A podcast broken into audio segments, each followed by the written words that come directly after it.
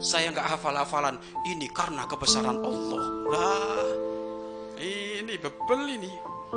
Saya goib 15 hari nggak masuk kelas itu Pak Ustadz. Ini semuanya adalah anugerah Allah. Baik. Ambil tembaknya tikus yang baru itu. Dikeker, taruh di apa? Taruh taruh di telinganya. Iya kan? Inti sambil merem gitu, dor gitu nanti. Tiba-tiba telinganya boh, bolong. Oh, gimana ini kok ditembak? Anugerah dari Allah suruh nembak inti. Gitu. Ya janganlah, yang bener ya. Artinya apa? Jadi Allah itu senantiasa mengajarkan optimis. Allah itu senantiasa mengajarkan baik prasangka. Jangan pernah mengenal istilah gagal. Gagal itu adalah awal dari keberhasilan. Maknanya kayak gitu.